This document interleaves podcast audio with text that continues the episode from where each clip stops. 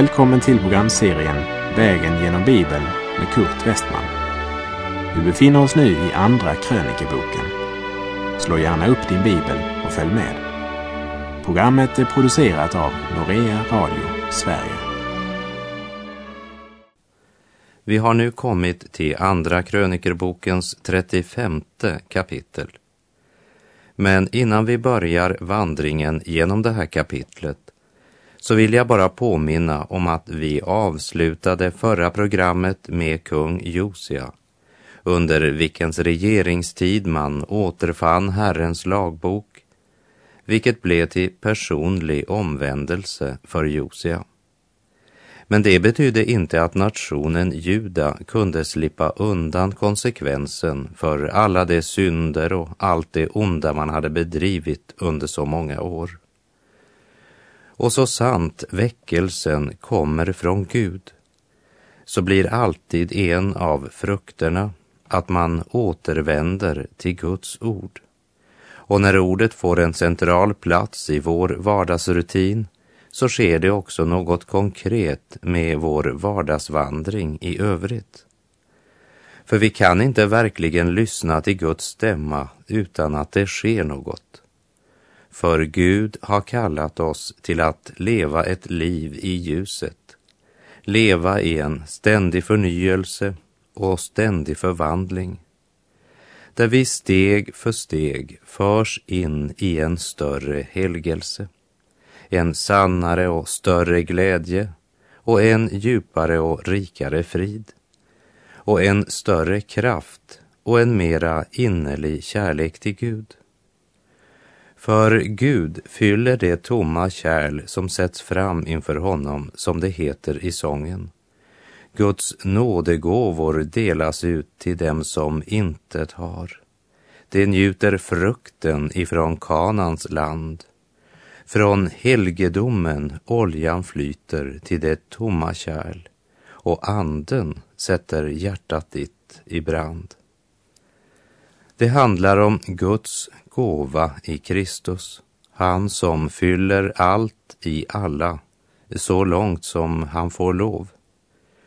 Så låt oss vända oss bort från alla halvhjärtade beslut i vårt eget liv och bort från dessa halvhjärtade gudstjänster som vi har så många av.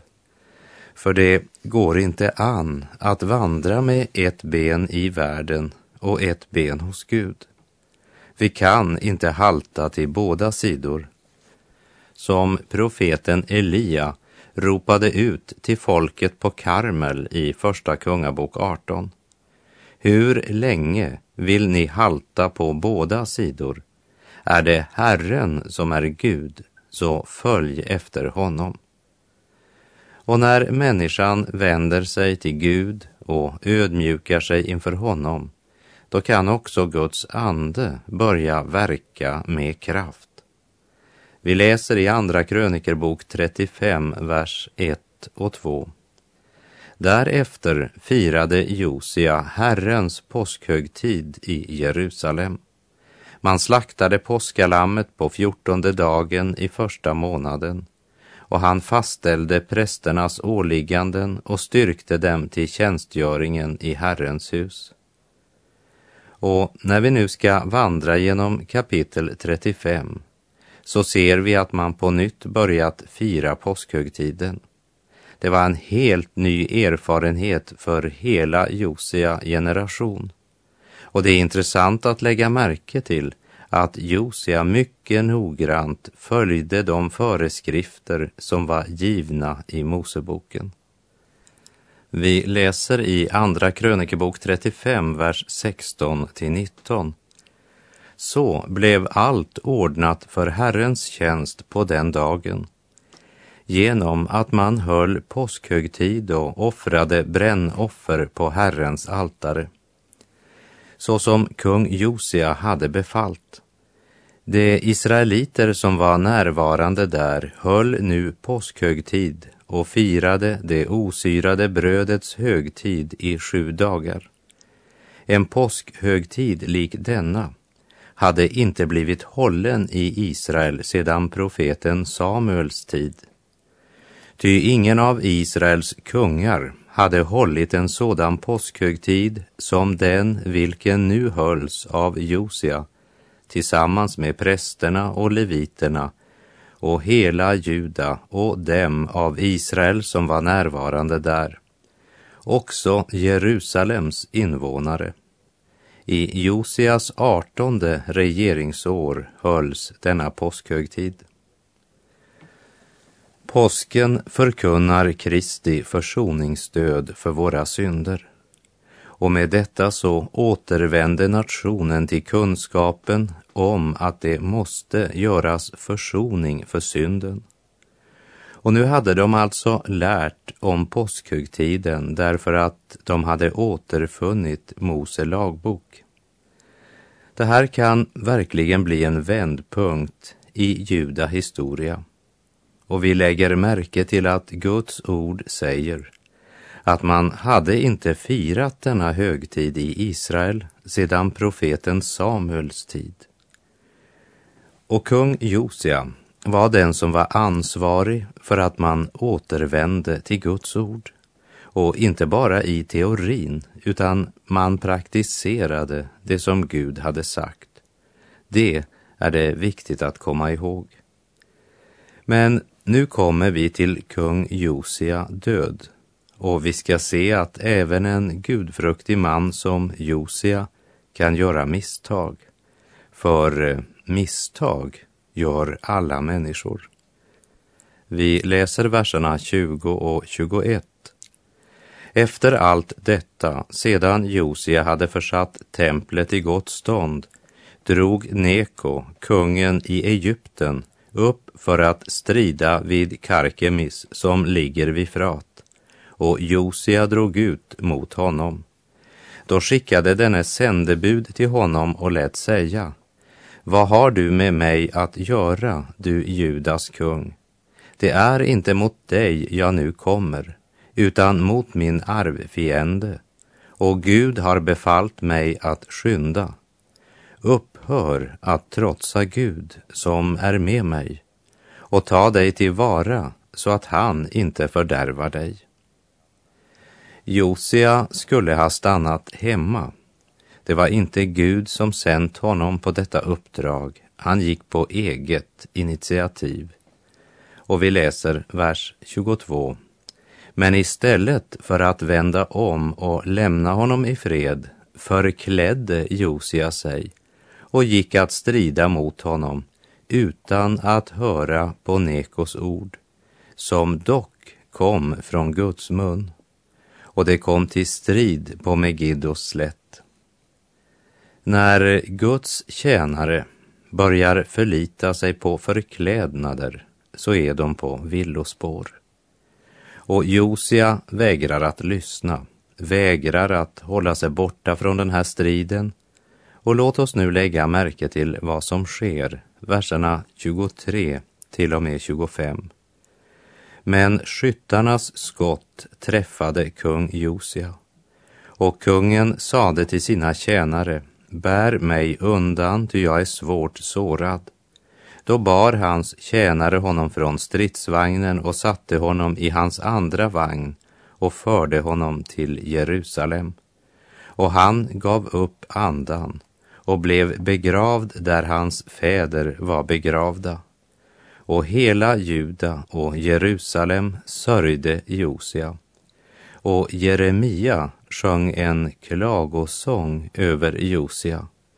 Och alla sångare och sångerskor talade sedan i sina klagosånger om Josia, så som man gör än idag och dessa sånger blev allmänt använda i Israel. Det finns upptecknade bland klagosångerna. Josia hade redan i unga år sökt Herren och han hade varit en god och en stor kung i sydriket Juda. Josia hade återvänt till Guds ord och därmed lett folket in i en förnyelse i förhållande till Gud. Men förnyelsen stannade när Josia dog och Guds dom kommer därmed att drabba Juda.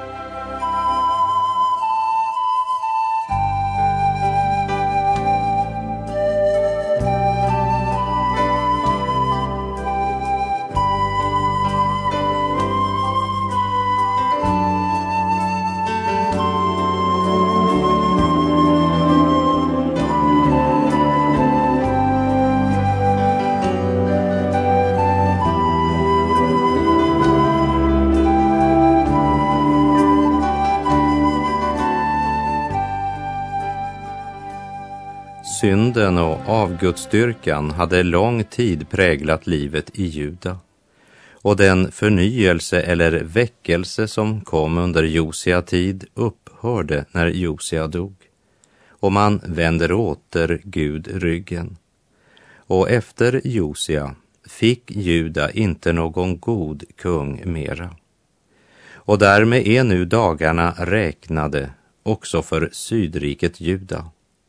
Och vi får endast en kort beskrivelse av de händelser som förde Juda in i eländet och till nationens ruin. Andra krönikerbok kapitel 36, verserna 1 till och med 3. Och folket i landet tog Josias son Joahas och gjorde honom till kung i Jerusalem efter hans fader.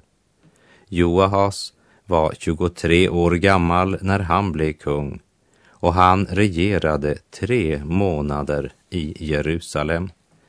Kungen i Egypten avsatte honom i Jerusalem och pålade landet en skatt på hundra talenter silver och en talent guld. Sonen till Josia blev avsatt av Egyptens kung. Joahas var en eländig regent som endast satt på Juda tron i tre månader. Och nu börjar det gå allt hastigare nedåt med nationen. Vi läser vers 4 till och med 7 och kungen i Egypten gjorde hans broder Eliakim till kung över Juda och Jerusalem och förändrade hans namn till Jojakim. Men hans broder Joahas tog Neko med sig och förde honom till Egypten. Jojakim var 25 år gammal när han blev kung och han regerade 11 år i Jerusalem.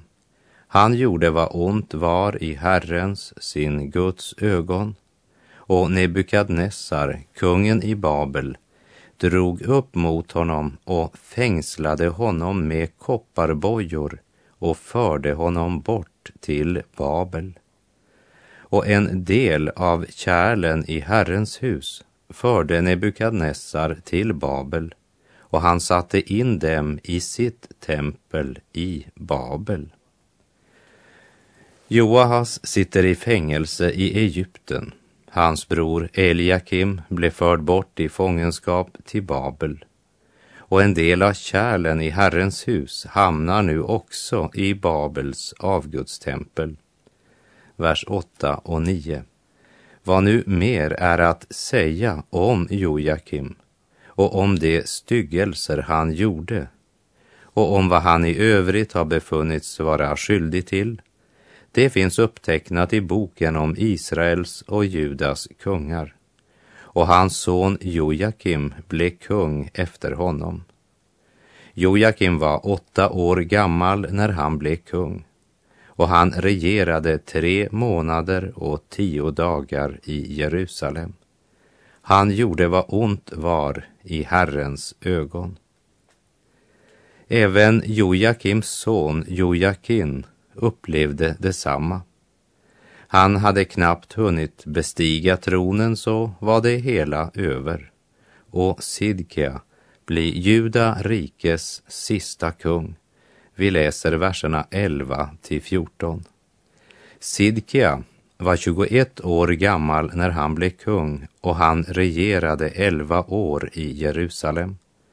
Han gjorde vad ont var i Herrens, sin Guds ögon han ödmjukade sig inte för profeten Jeremia som talade Herrens ord. Han avföll från kung Nebukadnessar som hade tagit ed av honom vid Gud och han var styvsint och förhärdade sitt hjärta så att han inte omvände sig till Herren, Israels Gud. Alla de förnämsta bland prästerna och folket försyndade sig också mycket i otrohet mot Gud med hedningarnas alla styggelser och orenade Herrens hus som han hade helgat i Jerusalem.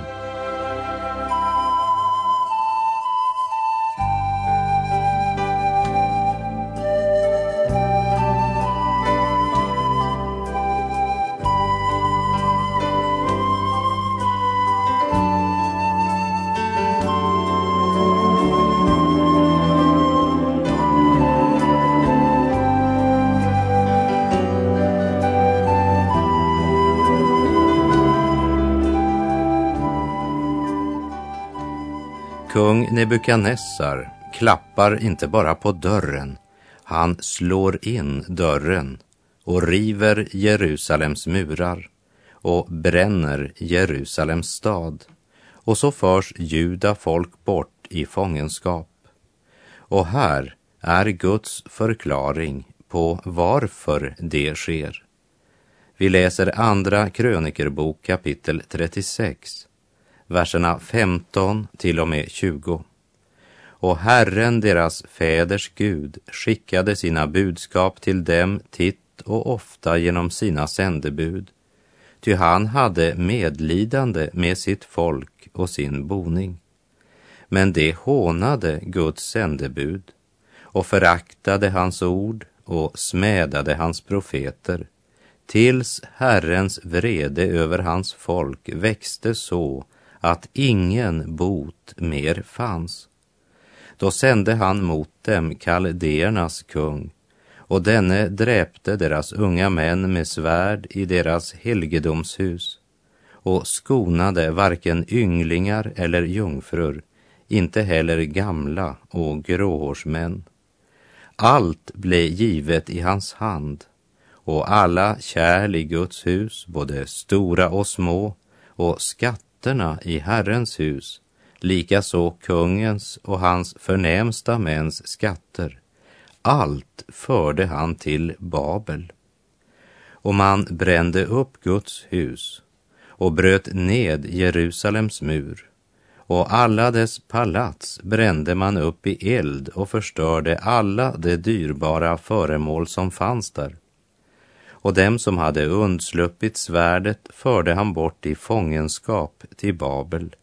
Och det blev tjänare åt honom och åt hans söner tills perserna kom till makten.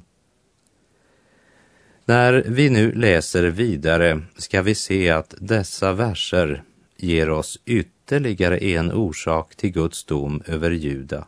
Och det är ytterst intressant, vers 21.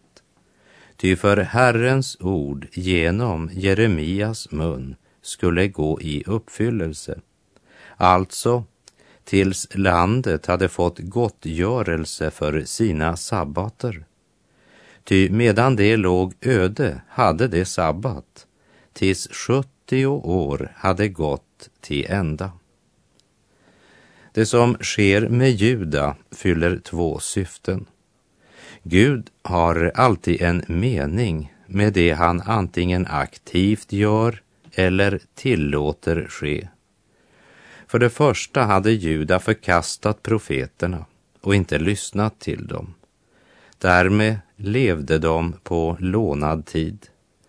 För Gud hade varit rättfärdig även om han hade sänt dem i fångenskap redan hundra år tidigare. Och jag undrar om inte också vår nation lever på lånad tid. Hur länge ska Gud tolerera alla våra synder? För nationen Juda hade tiden nu kommit när Herrens vrede hade vuxit så att ingen bot mer fanns. Och det kommer en tid då en nation når den gränsen. Och jag undrar hur långt vår nation har kommit. För det andra, på 490 år hade Israel inte hållit Guds lag angående sabbatsåret. I tredje Mosebok 25, vers 1-5 stod det och Herren talade till Mose på Sinai berg och sade Tala till Israels barn och säg till dem när ni kommer in i det land som jag vill ge er skall landet hålla sabbat åt Herren. I sex år ska du beså din åker och i sex år skära din vingård och inbärga avkastningen av landet. Men under det sjunde året ska landet ha en vilosabbat, en Herrens sabbat. Då ska du inte beså din åker och inte skära din vingård. Vad som växer upp av spillsäden efter din skörd ska du inte skörda och de druvor som växer på dina oskurna vinträd ska du inte bärga. det ska vara ett sabbatsvilans år för landet. På grund av deras girighet så hade de inte tillåtit marken att få sin sabbatsvila som skulle ha varit vart sjunde år efter Guds befallning. Man litade så att säga mera på kalkylatorn än på Guds välsignelse. Och i lång tid såg det ut som om de kunde nonchalera Guds bud och faktiskt komma undan konsekvensen. Det hade ju skett i 490 år, så det var inte många som vid denna tid kom ihåg att det fanns ett sådant bud. Det var väl inte så noga med alla dessa föråldrade gamla regler. Var och en gör ju som han vill. Vi lever ju i en annan tid. Men när man minst hade väntat det drabbade Guds dom Juda. 490 år hade man struntat i sabbatsåret och markens vila. Det vill säga 70 sabbatsår hade man hoppat över. Och nu säger Gud att folket ska vara i fångenskap i 70 år och under den tiden ska landet få sin sabbatsvila. Därför varade fångenskapet i 70 år. Det är det värt att ge akt på och minnas, för man jäckar inte Gud. Galaterbrevet 6, vers 7 säger Bedra inte er själva. Gud bedrar man inte. Det människan sår skall hon också skörda. Och vi lägger också märke till att här i krönikerboken så ges det inget referat från de 70 åren i fångenskap. Folket är långt borta från sitt land och långt borta från Guds vilja. Guds klocka, den heter varken Certina eller Gal eller Facit utan Guds klocka stavas I-S-R-A-E-L. Och den klockan går bara när Israel befinner sig i landet.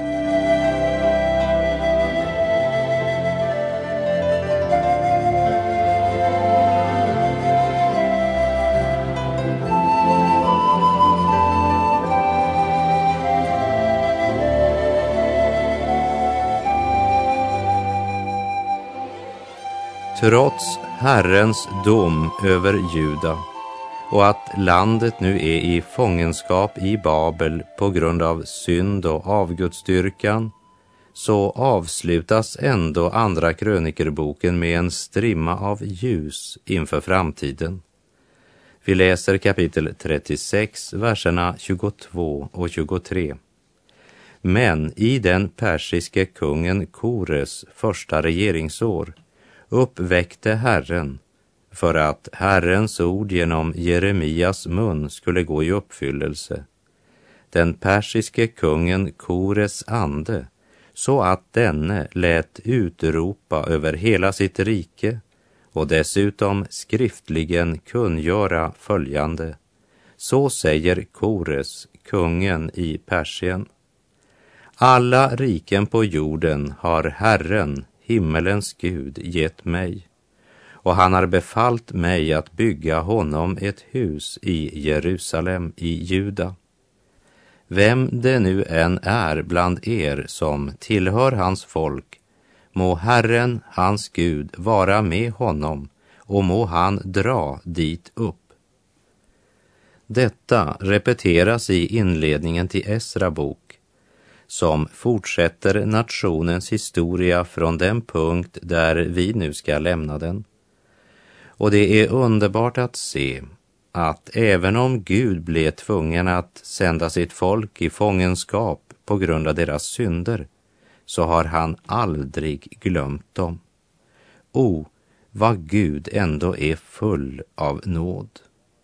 Jeremia var den profet som förkunnat Guds ord för Juda men de ville inte lyssna. Och här vill jag bara citera något av det som Jeremia förkunnade vid denna tid i Juda historia. Och det står i Jeremia 27, vers 9 och 10. Därför må ni inte höra på era profeter och spåmän, på era drömmar, på era teckentydare och trollkarlar, när dessa säger till er, ni ska inte komma att tjäna kungen i Babel. Ty det profeterar lögn för er och åstadkommer att ni blir förda långt undan från ert land genom att jag måste driva er bort så att ni förgås. Och Jeremia profetia gick bokstavligen i uppfyllelse. Men även hos profeten Jeremia fanns hoppets ton. Vi läser Jeremia 29, vers 10 till och med 13. Ty så säger Herren, först när 70 år har gått till ända i Babel skall jag se till er och uppfylla på er mitt löftesord och föra er tillbaka till denna plats. Jag vet väl vilka tankar jag har för er, säger Herren, nämligen fridens tankar och inte ofärdens, till att ge er en framtid och ett hopp. Och ni ska åkalla mig och gå och be till mig och jag vill höra på er. Ni ska söka mig och ni ska också finna mig om ni frågar efter mig av hela ert hjärta.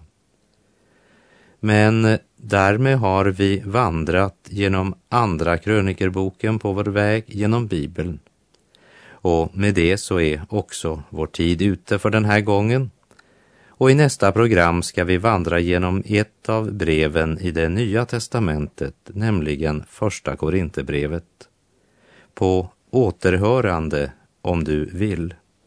Herren vare med dig, må hans välsignelse vila över dig. Gud är god.